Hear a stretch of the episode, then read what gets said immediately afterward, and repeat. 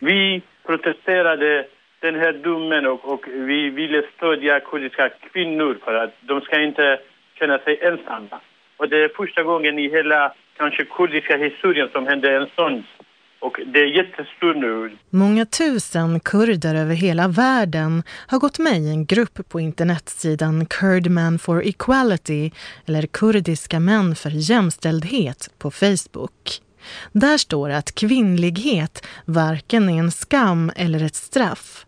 Sidan har skapats som en protest efter att en iransk domstol dömt en kurdisk man till förnedring. Och hans straff var att tvingas klä sig i kurdiska kvinnokläder och visas upp längs gatorna i Iran. Många kurder blev upprörda över domen som de tyckte var kränkande mot kvinnor. Och så startades Facebook-sidan där kurdiska män nu lägger upp bilder på sig själva iklädda traditionella kurdiska kvinnokläder för att visa att det inte är något skamligt med att vara kvinna. Asad Banaji i Trelleborg berättar att han klädde på sig sin frus kurdiska klänning och la ut bilden på Facebook-sidan för att visa sitt stöd för kvinnorna.